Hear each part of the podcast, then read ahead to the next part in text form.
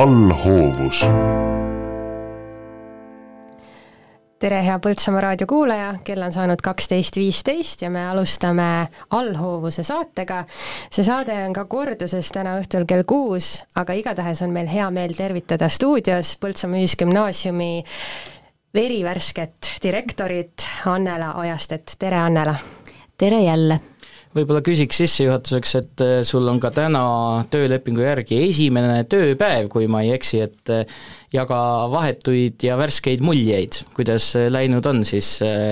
tänane ennelõuna no tööpäev on olnud väga tihe ja informatiivne, ma ütleks, et hommik oli rahulikum, kui ma kell kaheksa kümme koolimajja jõudsin, siis ei olnud seal kedagi. ja, ja kella, siis ma natuke sättisin ennast, otsisin tooli, et saaks istuda laua taha ja võtta lahti arvuti ja, ja siis kella kümneks, kui ma hakkasin minema vallavalitsusse, siis veel mõned inimesed tulid, aga, aga nüüd mul on tegelikult juba graafik paigas peale raadiosaadet, ma jooksen kohe, kohe koolimajja tagasi ja seal mind juba oodatakse ma ütlen veel saate alguses, et tänases saates me siis leppisime taaskord kokku, et, et sobib sinatada siin saatekülalistega. aga ma uurin siis kohe, lähme asja juurde, tööpäev on nüüd alanud, kõik mõtted ja meeled on suunatud direktori ametile ja siia algusesse kohe niisugune pigem lai küsimus, et milline on sinu nägemus heast haridusest, mida Põltsamaa Ühisgümnaasium peaks ja võiks oma õpilastele anda? jaa, see on lai küsimus. Aga ma arvan, et et ka teadmiste omandamise juures, õppimise juures on hästi oluline see, see tunne või, või meeleolu, mis on valdav ja, ja ma arvan, et hea haridus on eh, selline, kui laps tahab rõõmuga kooli tulla ja läheb rõõmsalt koolist ära. kui ma kuulasin eh, saadet, mis oli viiendal äh, juulil eetris, mida viis läbi Kadri Suni, siis käis sealt läbi mitmel korral äh, lapsest lähtuv niisugune äh, õpetamine. kas see on ka midagi, mis selle nii-öelda tulevikuvisiooni üheks väga tugevaks märksõnaks saab? Jaa, kindlasti, et, et lapsest lähtuv selles mõttes, et, et tihti aetakse veel sassi, et, et lapsest lähtumine ei tähenda seda, et, et me teeme kõike nii, nagu laps tahab. Et lapsest lähtumine tähendab lapseealiste iseärasustega arvestamist ja, ja õppe korraldamist siis nii, et see oleks lapsele niimoodi vaimselt ja, ja füüsiliselt eakohane ja, ja see kindlasti on, on minu jaoks oluline ja, ja üks, üks sellistest äh, valdkondadest, mida ma tahaks jälgida ja suunata, et see nii oleks kas see on ka midagi sellist, mis laiemalt Eesti haridusmaastikul on äh, sinu arvates kuidagi kitsaskoht täna? Jaa, ma arvan, et äh, alushariduse poole peal on, on sellega juba päris hästi, et, et seal on aru saadud, et ei ole mõtet äh, suruda last raamidesse, kus ta olla ei oska või ei saa mingitel põhjustel oma füsioloogiast äh, näiteks lähtuvalt. koolis on meil veel päris pikk tee minna, et, et järjest rohkem ju erinevad äh, meil äh, hariduspsühholoogid, äh, kasvatuspsühholoogid, noh, ma nimetaksin näiteks Grete Arrot, keda me kõik hästi teame, räägivad sellest, et on ju teaduspõhiseid uuringuid ja, ja juba välja töötatud ka, ka selliseid metoodikaid või, või nii-öelda näpunäiteid, et, et kuidas siis vastavalt sellele, kuidas, kus maal laps oma, oma arengus on, et, et kuidas paremini viia õppimist läbi, nii et sellel oleks selline sügavam tähendus et, et me küll, ma arvan, et me nagu teame päris palju, oleme kuulnud, oleme nõus, aga, aga see rakendamise pool on nagu visa tulema. lapsest lähtuv äh, lähenemine ja nüüd ma lähen siit edasi kaasava hariduse peale, et äh, noh, kaasav haridus on selline riiklik suund ja Põltsamaa on seda äh, teinud hoogsalt ja rakendanud Põltsamaa Ühisgümnaasium. aga milline on sinu arvamus, et mis määrani peab kaasama, ma olen kuulnud sellist ütlust, et äh, kaasame kõiki, aga õpetamata jäävad paljud. mis mõtteid see tekitab? ma alustuseks arvan, et kaasav haridus ei ole mitte ainult riiklik, vaid meie tänase ühiskonna selline üldine arengusuund, ses mõttes, et, et järjest enam väärtustatakse indiviidi kollektiivis. see on keeruline. ja, ja kui nüüd jõuda selle kaasava hariduseni koolis, siis see on, kaasavat haridust on võimalik rakendada, aga see on kallis.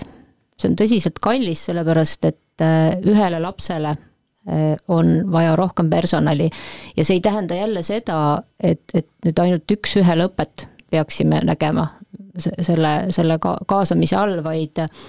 üleüldiselt äh, õppekorralduse muudatusi. et, et saaks äh, siis lastele pakkuda seda, mis neile sobiv on siit äh, käivad läbi mitmed mõisted nagu kaasav haridus ja, ja õpilasest või siis lapsest mm -hmm. lähtuv õppimine et need on tihti sellised sõnad, mida kasutatakse hästi palju, neist saavad teinekord isegi mingisugused sellised loosungid ja siis inimestel tekivad erinevad tunded seoses nende, nende mõistetega. ja tihti on ka nii, ma olen tähele pannud, et mitmed õpetajad siis tunnevad, kui nendest räägitakse, neil tekib suur vastumeelsus juba, sellepärast sest neil võib-olla tekib tunne, et, et neid justkui süüdistatakse, et nad on midagi valesti teinud siiamaani, et kuidas sellise olukorraga sellega toime tulla? ma tegelikult arvan, et äh, õpetajad, kes on äh, pühendunud ja öö, äh, kogemustega õpetajad, nad tegelikult kasutavad päris palju juba neid selliseid nii-öelda kaasamise võtteid. või vähemalt nad tunnevad, et nad tahaks neid kasutada, sellepärast et nad saavad ju aru, et nii on lihtne ja, ja parem õppida nii lapsel kui ka neil õpetada ma olen, ma olen näinud seda, kogenud, kuidas äh, õpetaja tuleb ja ütleb, et ma tahaks teha tegelikult äh, nii, ma tahaks oma tundi läbi viia nii. aga noh, et see, see, see praegune korraldus äh, siis vajaks muutmist. ja, ja ma usun, et seda on päris palju, aga no mis siin, mis siin salata, tihti ka juhtkonna taha jääb see selline õppekorralduse mittemuutmine või, või et lähme ikka samamoodi edasi aga selle kaasamisega seoses eh, ma arvan, et see kaasamine ei ole üldse kõige parem eh, sõna, et kunagi on eh, professor Marju Lauristin on öelnud, see küll puudutas siis erinevate ühiskonna sihtgruppide nii-öelda kaasamist, eks, siis ühiskondlikku ellu, et, et kaasamine ei ole õige, et vaja on osaleda et me peame hakkama rääkima osalemisest, mitte kaasamisest ja see noh, kui aus olla, kui mõelda, siis see annab täiesti teise tähenduse tegevusele. nii et äh, me võiks mõelda ka sellest, et et mitte, et me kaasame koolis, õpetaja kaasab õpilasi, vaid et kuidas me koolis saaksime õpetada ja õppida nii, et kõik osaleksid protsessis. käis läbi ka see, et see on väga kallis, see suund mis sellest siis mm, nagu, mis tundega siis sellest mõelda, et kas see on midagi, millega väga tugevalt tuleb edasi tegeleda või peab seal selle teemaga kuidagi pidurit tõmbama, mis mõtteid see tekitab? kindlasti tuleb edasi tegeleda sellega ja see on äh, siis riigi ja, ja koolipidaja prioriteetide küsimus, et, et kas me soovime lastesse panustada, et, et järjest enam on vaja tugispetsialiste ja erispetsialiste ja, ja jah, psühholooge, sotsiaalpedagooge, eripedagooge, neid, neid kõiki on vaja, et, et selge on see, et et õpetaja üksi klassis, kus on palju õpilasi, ei suuda olla kõikides rollides. ta võib näha vajadust ja, ja õpetajal võib olla ka ettevalmistus, näiteks eripedagoogiline ettevalmistus, ja ta näeb vajadust, aga, aga noh, ta lihtsalt puhtfüüsiliselt ei, ei jaksa ja selleks on vaja erispetsialistide tuge. üks skaala, millel juhte ja inimesi üldse siis alati eristatakse, on kas see inimene on konservatiivsem, selline, kes soovib mingit status quo'd säilitada, või siis keegi, kes soovib asju muuta ja reformida. Ja ma saan su jutust siis aru, et sa oled pigem see muutuste ja reformide inimene või? ma ei tea, kas just reformide, aga muutuste küll, jah, et et ma olen, ma olen liikuv inimene, et mulle meeldib äh, avastada, kaasa minna, edasi minna ja, ja, ja pigem jah, muutustega siis püüda kohaneda, kaasa minna, ise muutusi ellu viia, kui ma näen, et seda on vaja kellegi heaks, noh näiteks koolis õpilaste heaks. ja, ja, ja selles mõttes pigem muutuja, aga ma arvan, et mingites aspektides olen ma ka päris konservatiivne koolide jaoks Eestis on äh, ka moodustatud sellised edetabelid, et vaadatakse, et millised on õpitulemused ja selle järgi reastatakse koole. Põltsamaa Ühisgümnaasium on selles edetabelis äh, kukkunud oma tulemustelt. Äh, kuidas, kuidas ja kas seda olukorda peaks vaatama, mis mõtteid see direktori vaates tekitab? Ja et sinna kõrvale võiks tegelikult pidada seda edetabelit ka, et kui õnnelikud lapsed selles koolis on. et, et minu meelest ei saa võrrelda eh, kogukonnakooli ja kooli, kuhu eh, lapsed eh, siis katsetega mm, kandideerivad, eks, et, et lihtsalt see, see, see taust on, on nii erinev ja, ja noh, ma, ma julgen öelda, et väga palju sellest, missugune on lapse õppeedukus koolis, sõltub ju tema perest ja vanematest. ja, ja loomulikult me teame ka, et lapsevanemad, kes on võtnud selle ette selle keerulise ja raske tee, et, et nende laps kindlasti peab siis kandideerima katsetega kooli, siis siis ta panustab rohkem ja panustab ka selle õppeprotsessi jooksul, et eks siis sealt tulevad ka need õpitulemused paremad. aga jälle kõrvale tuleks vaadata, kuidas laps ennast äh, tunneb aga kui mitte võrreldagi ennast mitte katsetega koolidega, vaid lihtsalt Põltsamaa ühisgümnaasiumit läbi aastate, sedasama kooli enda tulemuste reas, et siis kas langemine on midagi sellist, mida peaks parandama või millega leppima? kui see on meie ühine arvamus, et äh, me tahame tõusta, siis muidugi me ei peaks sellega leppima ja, ja see on nüüd äh, koolipere kokku leppida. et kas me arvame, et äh, me peame tõusma kas endisele või mingisugusele uuele või võib-olla hoopis teistsugusele tasemele, siis me peame selle nimel ka koos pingutama, aga kõigepealt tuleb ühiselt kokku leppida no teinekord inimesed ütlevad hoopis midagi sellist, et äh, lapsed on nii palju laisemaks äh, muutunud ja vanemad nõuavad neilt vähem ja no oled näinud, mina olen näinud, ma ei tea, sadades tõenäoliselt kuskil sotsiaalmeedias selliseid karikatuure levimas, et äh, kui vanasti küsiti õpilaselt, et miks sa selle kahe said, siis nüüd need lapsevanemad lähevad siis selle õpetaja juurde ja küsivad, et miks mu laps kahe sai, on õpetaja peale pahased. et mis sinu seisukoht selles osas on, on mingi selline muutus äh, toimunud või, või kuidas peaks sellele asjale lähenema? ma ei usu, et äh, lapsed on laisemaks läinud. me lihtsalt, äh, ma arvan, et lapsevanemad on muutunud ühelt poolt teadlikumaks ja teiselt poolt, teiselt poolt võib-olla jälle rohkem minna laskvamaks et kui eh, lapsevanem läheb õpetajalt küsima, miks mu laps sai kahe, siis võib seal olla nagu kaks poolt. võib olla tegemist teadliku lapsevanemaga, kes eh, oskab hinnata kooli hindamissüsteemi ja arvab, et ta laps on ebaõiglaselt saanud kahe. tal võib olla õigus ja teiselt poolt äh, võib, äh, on ka seda suhtumist palju, et, äh, et jah, et laps läks esimesel septembril kooli uksest sisse ja eks ta nüüd siis nüüd peab sellel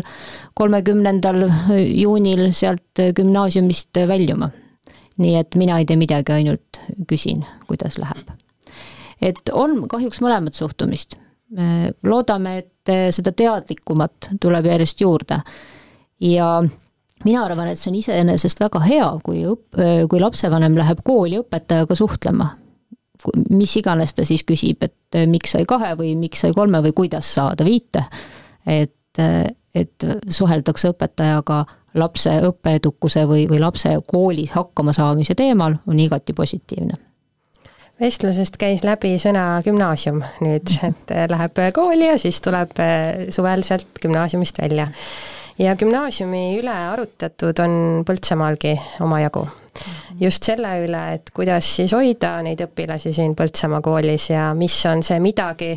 millega Põltsamaa gümnaasium eristub, et äh, noored valiksid siia jäämise või isegi siia ületuleku. Äh, mis on äh, need mõtted nüüd enne seda töö algust, ma saan aru, et siin loomulikult need mõtted on veel ka kujunemas ja see pilt on selginemas, aga on teada siin põltsamaalastele, et meil on olnud või on küberkaitse suund, ettevõtluse suund, majandussuund, mis mõtteid see tekitab, kas on äh, midagi vaja muuta, reformida, jätkata, kuidas sellele vaadata? nii palju, kui olen ma praegu siis äh, kandideerimise protsessi käigus äh, uurides erinevaid dokumente, koolidokumente, mis olid avalikud ja, ja nüüd ka juba rohkem vestelnud äh, koolitöötajatega ja, ja kooliga seotud inimestega, siis mul on tekkinud tunnetus, et et majandus, ettevõtlussuunaga gümnaasiumis on, on hästi, et seda tuleb hoida ja noh, loomulikult arendada aga, aga pigem hoida ja et äh, küberkaitse suund äh, vajaks, äh, vajaks hoogu. mul ei ole praegu ühtegi sellist head, head, ma ei tea, projekti juba projekti pole kirjutama hakanud, et kust see hoog võiks tulla. aga ma arvan ka, et see on, see on see on üks, see on üks väga oluline suund, mida kindlasti tuleb hoida ja edasi arendada, sest ta on selline ainulaadne ja, ja Eestis, eks, ja, ja see võiks olla nüüd see, see kirss, et, et mille peale võiks tahta ka, ka noor väljaspool Põltsamaad äh, ja, ja, ja Jõgeva maakonda äh, tulla Põltsamaa Ühisgümnaasiumisse sellele suunale õppima, miks mitte ka majandussuunale. et äh, et tihti on nii ja just, et, et seda, seda arvamust nagu ka kogukondlikult äh, peaks, peaks, kui ta on kujunenud, murdma, et, et, et siin ei, ei saa väga head äh, sellist või erilist suunaõpet, et, et on vaja minna kuhugi suurde linna selleks, et, et saaks hästi õppida, et et mõnikord on vaja ka avada lihtsalt äh, õpilaste silmi, noh näiteks põhikooli lõpus tutvustada neile väga erinevaid võimalusi, mis meil on mitte, mitte neid just varjata, eks, vaid tutvustada, et, et õpilased jõuaksid ise järelduseni, et aga tegelikult on meil siin Põltsamaal ka ikka väga hästi. Nii et ma saan aru, et äh, surnu Matjaksa meie koolile ei ole tulnud, et viimane, kes tuled ära kustutab? kindlasti mitte, ma arvan, et siin veel saab tulesid äh, päris, päris palju põlema panna, tänavavalgustust veel võib-olla juurde lisaks kui äh, meie kuulajad ka juhtusid kuulama seda saadet, äh, mis toimus viiendal juulil Kadrisuuni läbiviimisel, siis oli seal juttu Koigi koolist, mis oli sinu eelmine tööandja ja käis läbi sealt lause, et äh, et kui numbreid kokku lüüa, siis tööjõu voolavus oli möödunud aastal seitsekümmend protsenti. ja ka Põltsamaa Ühisgümnaasium on silmitsi seisnud viimase paari aasta jooksul noh, ütleme nii, et kaadrivoolavusega ma numbriga jään nüüd võlgu, aga, aga me teame siin oma kogukonnas, et on olnud inimesi väga olulistel ametikohtadel, olgu need siis õppejuhid või huvijuhid, kes on äh, pidanud äh, või, või vajalikuks pidanud siis lahkuda. Äh, millist sisekliimat sina looma hakkad? Mina tahaks, tahan, loon sellise sisekliima, kus äh, tunneb ennast äh, hästi õpetaja, koolitöötaja, kellel on äh, nägemus endal oma tööst, oma töö eesmärgist ja, ja ka sellest, kuidas, kuidas rakendada. et ähm, koolijuhi töö, ma olen seda niimoodi piltlikult püüdnud kirjeldada, on eestvedamine ja tagantlükkamine, eks, et sa oled ees ja tõmbad ja siis vahepeal on vaja joosta taha ja, ja lükata veidi meeskonnale. Et kindlasti ei tohi juht eest ära joosta. et see, see võib olla päris lihtne, et paned eest jooksu, et ei saa, inimesed on erinevad, erineva tempoga ja ja ma arvan, et igas inimeses on äh, väärtus. et mõnikord see ei paista välja, see võib olla peidus. ja me oleme ju erinevad, eks, et mõnele inimesele tuleb anda aega, mõnel tuleb lubada teha, et ta ei läheks kuhugi mujale tegema, sest ei anta võimalust. ja, ja koolijuhi üks hästi tähtis äh, tähtis äh, roll on äh, püüda anda igale töötajale, igale õpetajale see, see tunne, et tema töö on väärtustatud. ükskõik, kui aktiivselt või, või, või pühendunult ta siis seda teeb. ja, ja noh, tihti on nii, et et kui keegi ikka väga maha jääb ja ei ole ise üldse huvitatud järelejõudmisest, et noh, siis, siis jääb. kuidas noh, mõnedki märksõnad juba käisid siit nüüd ka läbi, aga aga noh, turbulentne aeg on olnud, et kuidas luua turvatunnet, mis on need sammud? jah, turvatunne eh, ju eeldab eh, usaldust ja usaldus üleöö ei teki ja seda kuidagi paberile panna või, või ette kirjutada või, või osta või, või, või kinkida ei saa, et natuke on vaja siiski olla ja, ja näidata ja olla inimestega koos, et see, see usalduse tunne tekiks ja siis tekib ka turvatunne. siin äh, möödunud nädalal äh, raadios äh, kõlas ka intervjuu, mille ma tegin sinu eelkäija Aimar Arulaga, ma loodan, et sa kuulasid ka seda või, või veel jõuad kuulata kuulasid? jõuan veel kuulata. jõuad kuulata, väga hea. ja tema äh, ütles seda, et äh, töötajat on tegelikult järjest raskem leida tänapäeval, sest see stiil on läinud selliseks, et et äh, kui on aeg kokku lepitud tööintervjuuks, siis võib juhtuda, et helistatakse veel sama päeva hommikul ja öeldakse, kuulge, ma ikkagi ei tule või siis eh, kui tullakse tööle, siis ollakse seal üks aasta või kaks aastat ja siis minnakse ära, et ollakse hästi sellised, sellised liikuvad. ja seda inimest juba sinna on raske saada, et kuidas teha Põltsamaa Ühisgümnaasium just eh, selleks kooliks, mida see uus õpetaja siis eh, tahab endale töökohaks valida. millega teda meelitada, et sellist töökultuuri noh, alguses on võib-olla isegi raske, raske märgata jah, ma pean ütlema küll, et äh, minul ei ole selliseid kogemusi õpetajaskonna töölevõtmisega, et, et, et noh, samal, et ei tulda kohale näiteks vestlusele või et hommikul helistatakse, et äh, küll on seda kogemust palju äh, igasuguse muu majanduspersonaliga töölevõtmisega, aga, mitte õpetajatega. et mulle tundub, et see õpetaja elukutse on ikka selline, et et see, enne kui inimene kandideerib, siis noh, tal on mingisugune taust, eks, ja, ja ta ikka mõtleb läbi oma sammud ja ja, ja eesmärgid, aga aga kuidas muuta nii, et õpetaja tahaks äh,, tahaks jääda kooli, noh tegelikult tänapäeval ka on jah, see liikumine on päris selline vilgas. aga enamuses on need liikumise põhjused ju ikkagi positiivsed, et noored inimesed äh, tihti lähevad äh, välismaale koos perega, seda tuleb viimasel ajal palju ette. Äh, võetakse vaheaastaid, mõnikord minnakse proovima teist ametit, et siis jälle tagasi tulla. noored õpetajad saavad perelisa, mis on ka ainult positiivne et ma ütleks, et pigem on see liikumine selline positiivne, on, ongi selline eluterve liikumine, mis on, mis on vajalik. et noh, ega asjata ei öelda, et äh, natukese sellist irooniat siia, et kõige parem töötaja pidi olema viiekümneaastane naine, et ta väga enam ei liigu kuhugi. aga, aga võiks olla ju töötajaid erinevas vanuses, eks, et noored inimesed toovad meile energiat juurde. et mitte, et ma, ma ei arva absoluutselt, ma, ma olengi veendunud, et viiekümneaastane naine on väga hea töötaja, sest tal on teadmised ja kogemused mitte see, et ta ei liigu enam kuhugi, aga et, et noh, kuidas hoida? Ikka, ikka täpselt nii, nagu me siin enne rääkisime, äh, usaldus, turvatunne, töö väärtustamine, äh, võimalus äh, leida üles, juht peaks märkama neid võimalusi, kus töötaja tahab ja saab areneda ja siis võimaldada talle seda arengut. ja, ja kui töötaja parasjagu on kas sellises eluperioodis või, või, või noh, ta ongi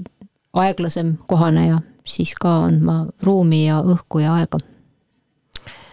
Kuigi õpetajad oma ametivalikul on juba inimtüübilt ilmselt äh, kuidagi noh, siin nende inimtüüp soosib seda ametit, nad kõik tahavad kas aidata või, või olla eeskujuks ja nii edasi, siis paraku see töö on äh, päris pingeline ja võib tulla igasuguseid aegu ette, et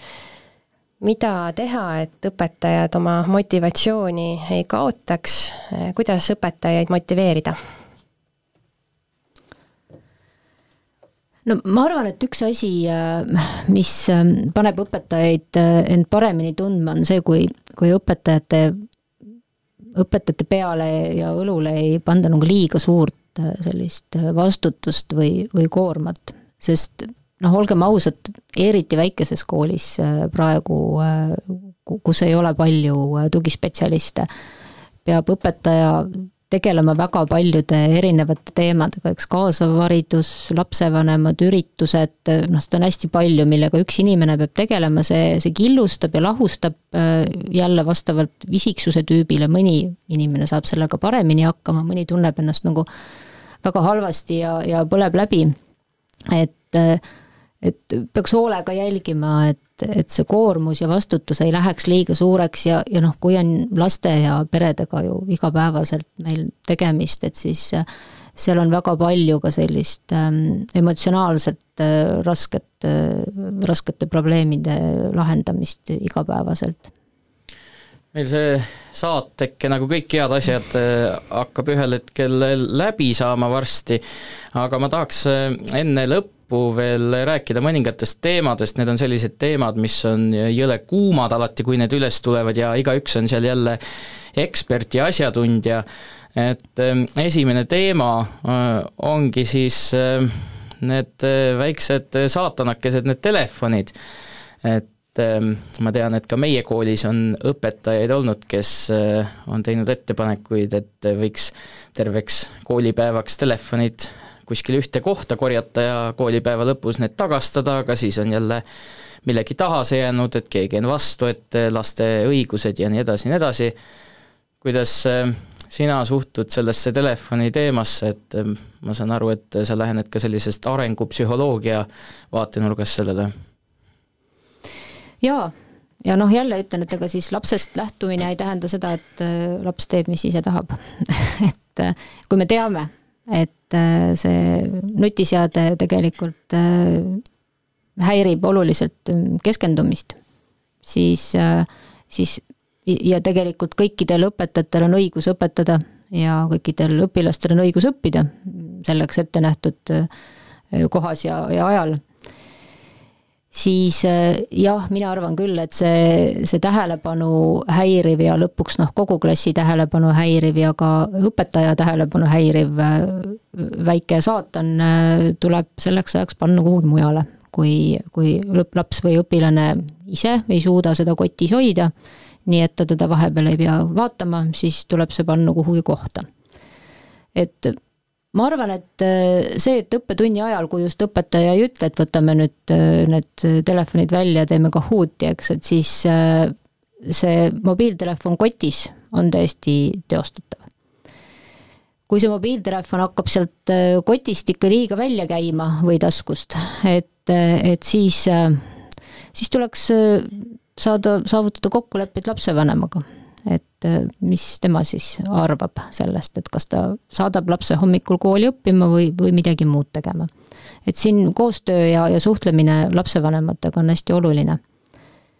ja, ja tegelikult suurtemate õpilastega, juba kolmas kooliaste ja gümnaasium, ma arvan, et seal oleks ka mõistlik äh, õpilastele selgitada, noh, praegu on väga palju head informatiivset materjali olemas, et et mida see telefon siis tegelikult nende tähelepanu ja keskendumisvõimega teeb. et las nad ise ka mõtisklevad selle üle ja saavad aru, et see, see, see ei peaks olema nagu selline keeld keelu pärast, et vot meil siin ei ole mobiiltelefonid lubatud, vaid et miks.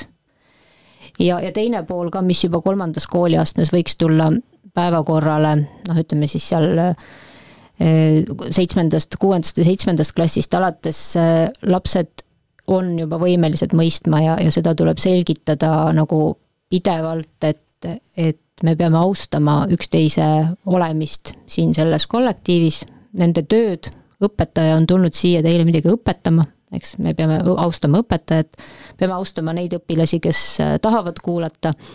et see pool kogu aeg sinna juurde, et miks meil on reeglid, need on põhjusega. aga selles mõttes ikkagi kõik, kes klassi ees seisnud on, et teavad seda, et eh, sama lihtsasti, kui see telefon sinna kotti läheb, kui sa sellele tähelepanu juhid, siis eh, veel kergemini ta vupsab sealt ühel hetkel uuesti välja ja nii palju ressurssi kulub sellele ja siis suhtle veel iga lapsevanemaga individuaalselt, kas ei oleks mõistlikum siis kas või enne igat õppetundi või pärast noh, igat vahetundi siis need korjata kuskile ühte kohta kokku ja kui hakkab liiga tihedasti ikka välja vupsama sealt kotist, siis muidugi, jah. Aga ma arvan, et tasub proovida ka esialgu nii, et et hoiame kotis. et noh, siis ongi täpselt kokkulepete küsimus, eks, et me leppisime kokku, et on kotis, kui kotis ei ole, siis korjame kokku hästi, üks teine huvitav teema on ka alati selline hindamine, et teinekord kipub niimoodi olema, et osad eh, siis õpetajad ja, ja ka mitteõpetajad, kes on harjunud selle hindamisega, ütlevad, et need noored on lihtsalt eh, lumehelbekesed ja kardavad seda numbrilist eh, hinnet seal ja ja niimoodi. ja seal on ka mingisuguseid igasuguseid erinevaid koolkondi selle hindamise juures, et millisesse sellisesse koolkonda sina siis kuulud? Noh, ma siin ei hakka praegu eristavast ja mitteeristavast hindamisest rääkima, läheb võib-olla liiga teoreetiliseks, aga ma, ma ütlen, et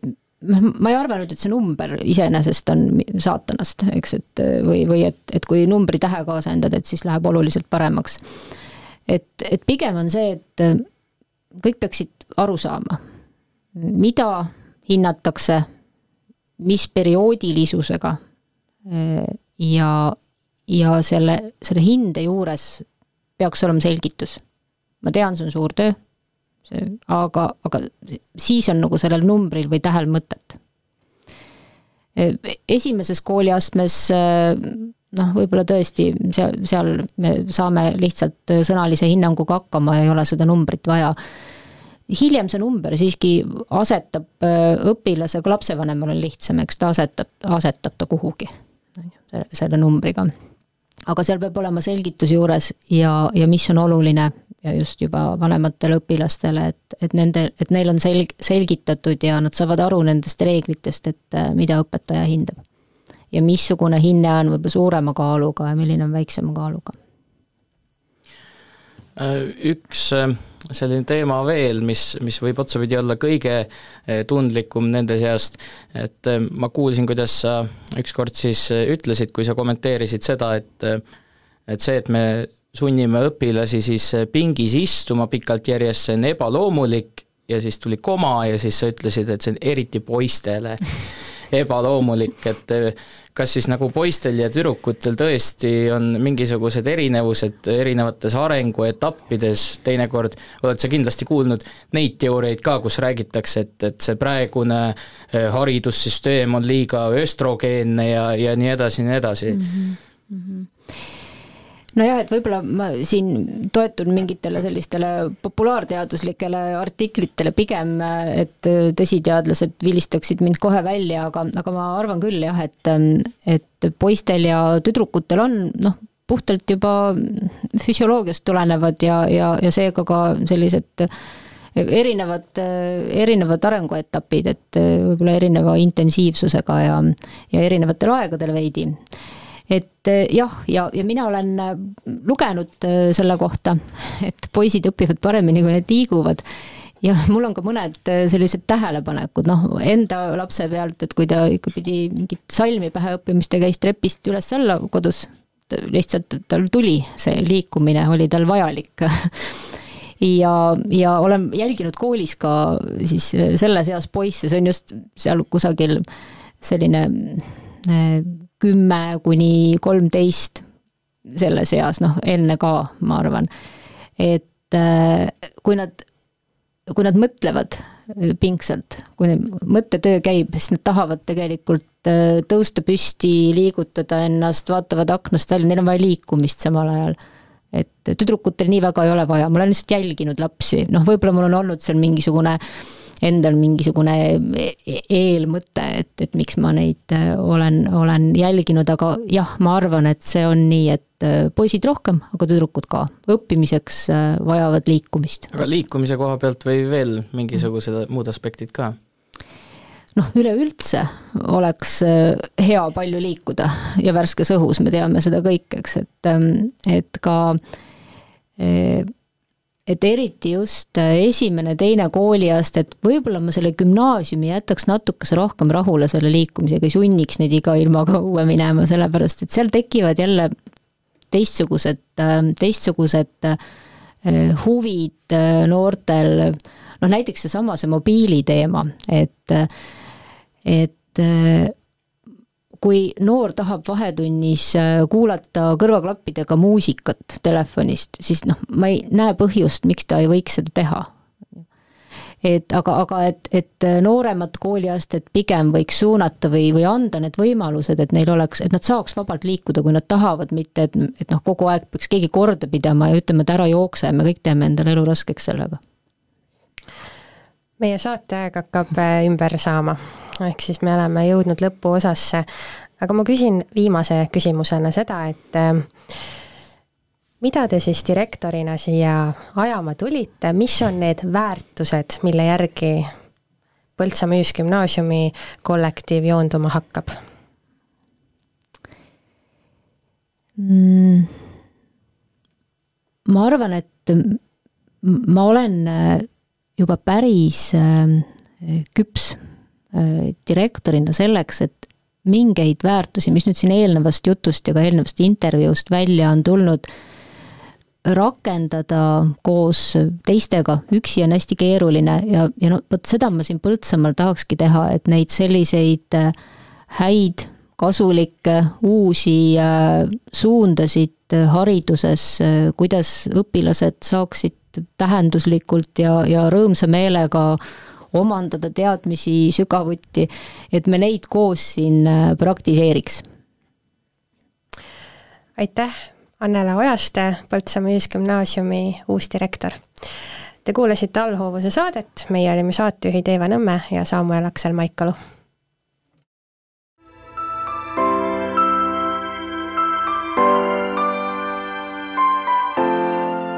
allhoovus